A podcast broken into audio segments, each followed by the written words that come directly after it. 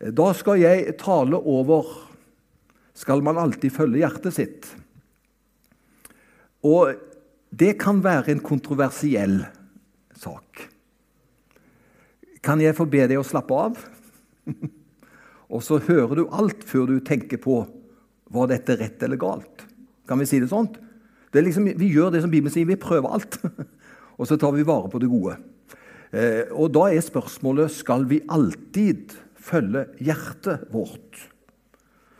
Eh, fordi eh, i vår tid så blir det veldig fokus på du må følge hjertet ditt.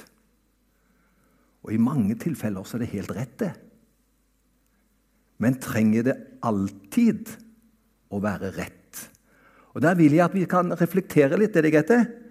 Så det er fint i det du sa med den boka du leste. Det er liksom en sånn, Nå kan du få en ukes andakt i dag i formiddag, og så tenker du litt over det. Og så kan du være at du justerer det litt for din del. Men du får et utgangspunkt så du kan ta med deg, og så konkluderer du. Er ikke det greit? Så det skal ikke være noen bombastiske ting fra min side her i dag, men jeg vil at det skal være litt refleksjon. At vi kan tenke på dette. Skal vi alltid følge hjertet vårt? Eh, og For noen dager siden så fikk jeg egentlig ideen til den talen. Og det var Jeg leste en artikkel i Korsets Seier. Og der sto det så radikalt Ikke følg hjertet ditt.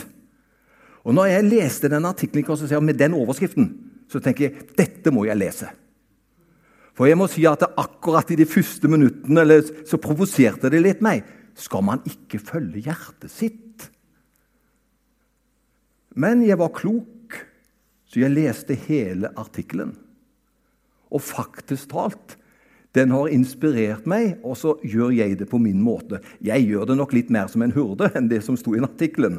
Men det var rett og slett eh, eh noe som var en tankevekker. Det er Thomas Netland i Sentrumskirken i Stavanger. Han er noe så fint som kreativ pastor der.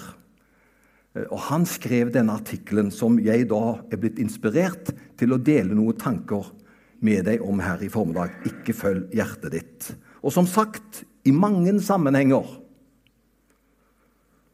så får vi høre at du må nettopp følge hjertet ditt. Det er nesten som et slags mantra. Det er der fasiten ligger om du følger hjertet ditt eller ikke. Jeg forstår veldig godt tanken bak dette at vi skal følge hjertet vårt. Og Nå skal du få kanskje noen beroligende tanker.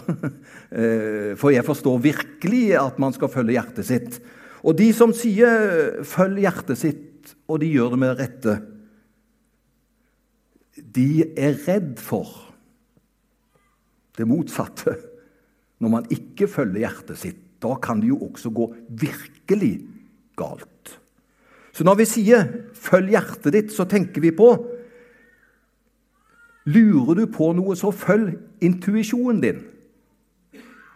Følg de signalene du får, for det kan være viktige og rette og gode signaler. Eller vi sier også, det er blitt et nytt, eh, moderne uttrykk, vi sier 'følg magefølelsen' din. Som om svaret ligger i magen. De som har stor mage, da har jo en veldig fordel, for det ligger mye visdom. Men vi sier det 'følg magefølelsen din'. Eller vi sier 'følg tankene dine'. Og det som ligger under, og det vil jeg understreke, jeg er helt enig i det som ligger under nå, det er nemlig 'la ikke andre bestemme over deg'. For det er farlig. Og så er det liksom å demme opp mot at andre skal påvirke oss sterkt. Andre skal komme med sterke føringer og nærmest ta kommandoen over livet vårt. Og det ønsker vi ikke. Og det skal du få tydelig med mange streker under her i formiddag. Er det noe vi ikke ønsker, så er det manipulering. Og at folk skal ta styring over livet vårt og styre oss. Det er farlig, det. Så jeg forstår tanken. Ikke sant? Fordi eh, man er redd for at eh, noen skal ta kommandoen, og andre, og andre skal bestemme. Og vi ser veldig triste eksempler på hvor andre går inn og bestemmer over mennesker. det er egentlig skummelt. Og så tenker man da ved å følge magen sin, den, det resonnementet for å gjøre det, eller følge hjertet sitt, da, så er det nesten som at til mer man graver, til mer gull finner man. Og så tenker man at dette må jo komme fra hjertet vårt. Neste punkt som jeg vil si litt kort om, det er humanismen. Humanismen er blitt en sterk pådriver i vår tid. Jeg vil gå så sterkt at det, det er ikke de politiske partiene som Selv om vi har inntrykk av at alt som skjer nå, er politikk. Vi, vi, blir, vi blir bombardert. Og Jeg visste ikke at de hadde så mange politiske venner, for nå bruker de Facebooken til å fortelle hva som er rett, og hva vi skal stemme for. Eh, men det er ikke politikerne til syvende og sist som bestemmer. De må bare gjøre visse ting, de. En veldig sterk samfunnspåvirker i vår tid, det er humanismen. Den er over politikken, og den influerer politikken og andre institusjoner. Det er en sterk samfunnspåvirker. Og det som humanismen Jeg kan jo ikke si, jeg skal bare si det veldig kort. Det som humanismen eh, fokuserer på, det er på mennesket og legger vekt på de kvaliteter som kjennetegner mennesket og at det har en verdi i seg selv. For mennesket har evne til fornuftig tenkning. Og Det er mye godt i humanismen, og kristendommen kan slutte til seg mye av det gode i humanismen. Men se det som står på bildet nå, for det kommer snart vekk, den teksten. Der mennesket blir fokuset i universet, da tar mennesket skaperens plass. Og Når ikke humanismen har plass til Gud og regner ikke med Gud, da er det noe som erstatter Guds dimensjon. Og da er det mennesket i seg selv som vi kan si det på en enkel måte, som blir guden i systemet. Mennesket tar skaperens plass i universet. Og da vet vi at da må de jo tro på at mennesket er godt Mennesket kan styre opp i dette herren, og mennesket er en så sterk eh, sak. Og eh, det som også humanismen sier, det er at eh, de, de sier det er viktig å leve ut følelsene sine. Og De sier at menneskene de er frie og ingen underlagt. å ta vare på den friheten. Ta vare på de meninger du har, og ta vare på dine følelser, for det er deg det er sannhet for deg. Nå fortegner jeg det, men bare for å få fram et bilde. At uh, humanismen er en sterk påvirker, og den påvirker oss alle sammen, om vi vil det eller ikke. Men Bibelen har et annet fokus enn humanismen. Bibelen snakker selvfølgelig også om hjertet, og vi har allerede fått hørt om hjertet her i dag. Om å bevare hjertet sitt så det er klart at Bibelen taler om hjertet. Og Nå kan du få det første skriftstedet som taler om hjertet. Det kommer opp på veggen nå. Der står det 'Bevar ditt hjerte fremfor alt som bevares', for livet utgår fra det. Altså selvfølgelig skal vi bevare hjertet vårt, for hjertet vårt er viktig. Og La meg presisere at hjertet det står for hele vår personlighet.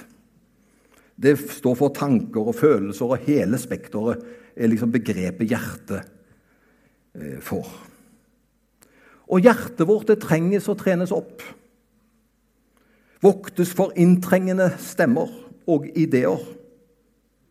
Og hjertet vårt i dag det blir bombardert med inntrykk og meninger hele tiden.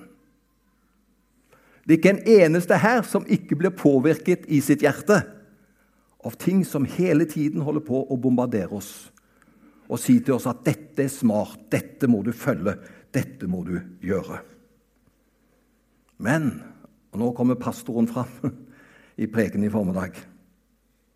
Det kan være farlig å bare følge hjertet sitt. Hva sier Jesus om vårt hjerte?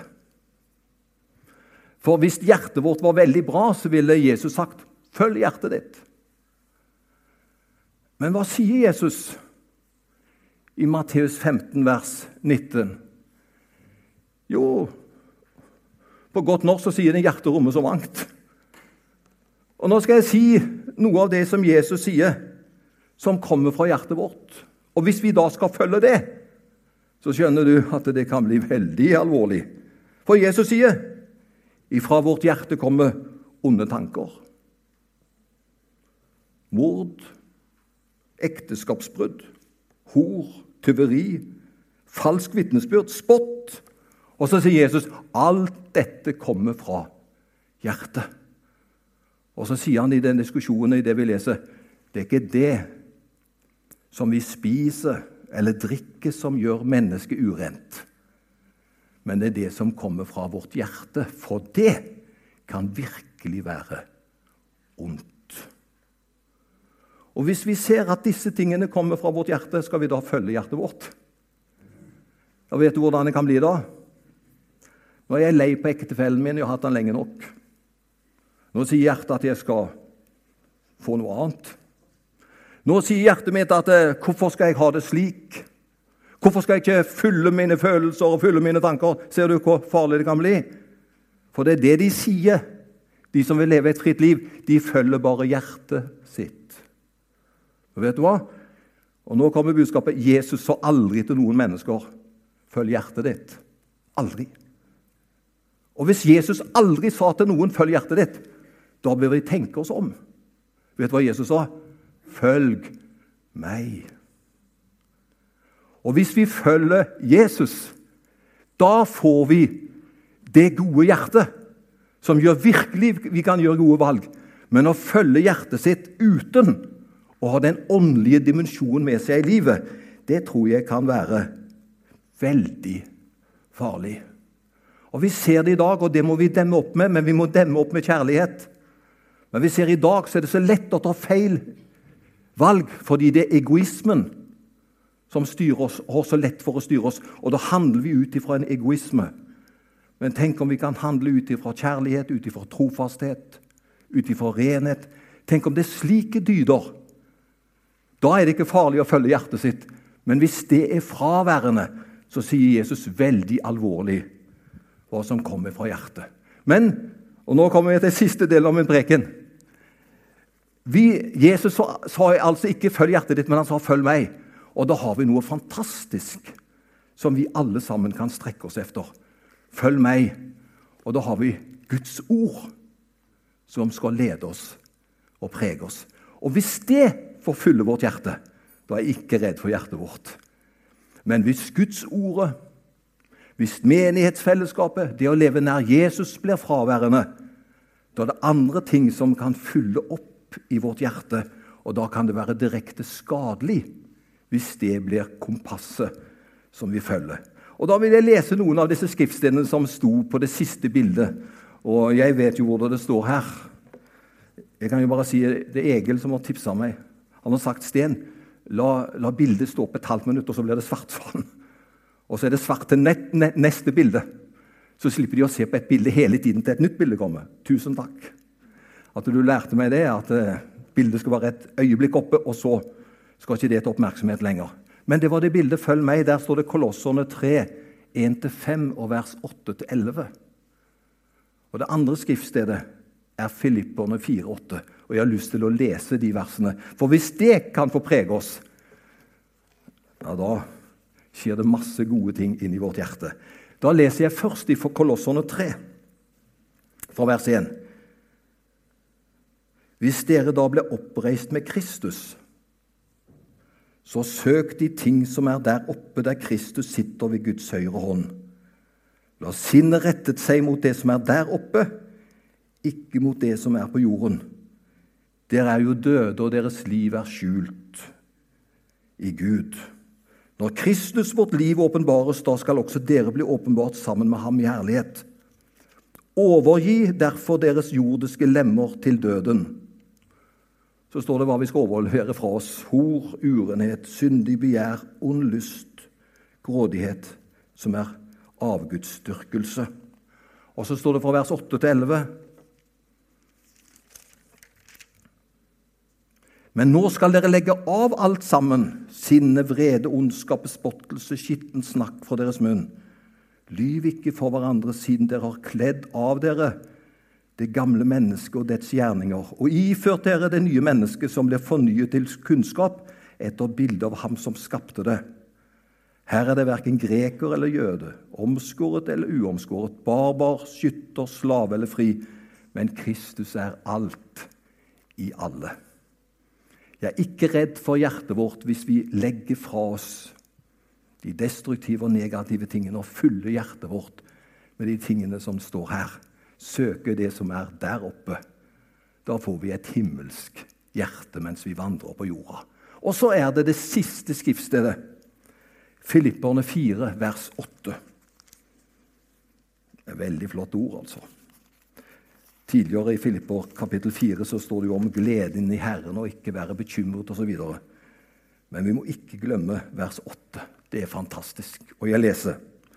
For øvrig, søsken, det som er sant, det som er ære verd, det som er rettferdig, det som er rent, det som er verd å elske, de ting som det tales vel om om det er et ærebart liv, og om det er noe som er verdt å bli rost, så står det så legg alt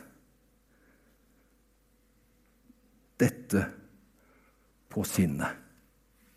Og I en annen oversettelse tror jeg det står det 'tenk på det'. står det til slutt. Da har du nevnt opp alle disse tingene. Det er det gode, det rene, det fullkomne. Det som bygger opp. Tenk på det. Og hvis det kan få prege oss, da blir det jo et bra hjerte ut av det. Men uten den påvirkningen, da kan det være farlig, iallfall noen ganger, å fylle hjertet sitt. Så vil jeg avslutte at Jesus sa 'følg meg'. Og Det betyr å følge hans levende ord. Da vil hans holdninger påvirke vår hverdag og valg og handlinger. Han vil kort og godt prege vårt hjerte. Og du som har tenkt på hjertet, du har kanskje tenkt på det finnes et veldig flott bibelvers i Salme 51, vers 12. Og Jeg vil avslutte med Salme 51, vers 12. Det er David som ber den bønnen. Og før han ba den bønnen, så vet vi det gikk galt for David i et punkt. Og ingen er perfekte. Vi trenger alle Guds nåde. Jeg har ikke møtt et menneske som ikke trenger Guds nåde. Og hvis du ikke trenger det, så trenger du det absolutt. Men vi trenger det, og det ser vi. Vi trenger Guds nåde, for ingen er fullkomne. Og så kan det glippe for oss. Men da vil jeg si det at det glipper det for oss, så skal vi ikke fokusere på at det glipper for oss. Vi skal fokusere på Han som tar oss igjen imot oss og kommer med ny nåde, ny hjelp, for han vil oss det beste. Og Derfor, etter at David hadde virkelig gjort dumme ting, kunne ikke nesten ikke tro at det var mannen efter Guds hjerte som kunne gjøre så mye fælt. Det er også sannheten. Men Gud elsker oss. ikke er det flott? Og han ser potensial i alle oss. Han vet hele fasiten om oss. Men da sier David i Salme 51, vers 12.: Skap et rent hjerte i meg, Gud og forny en stødig ånd i mitt indre. Det var det han følte.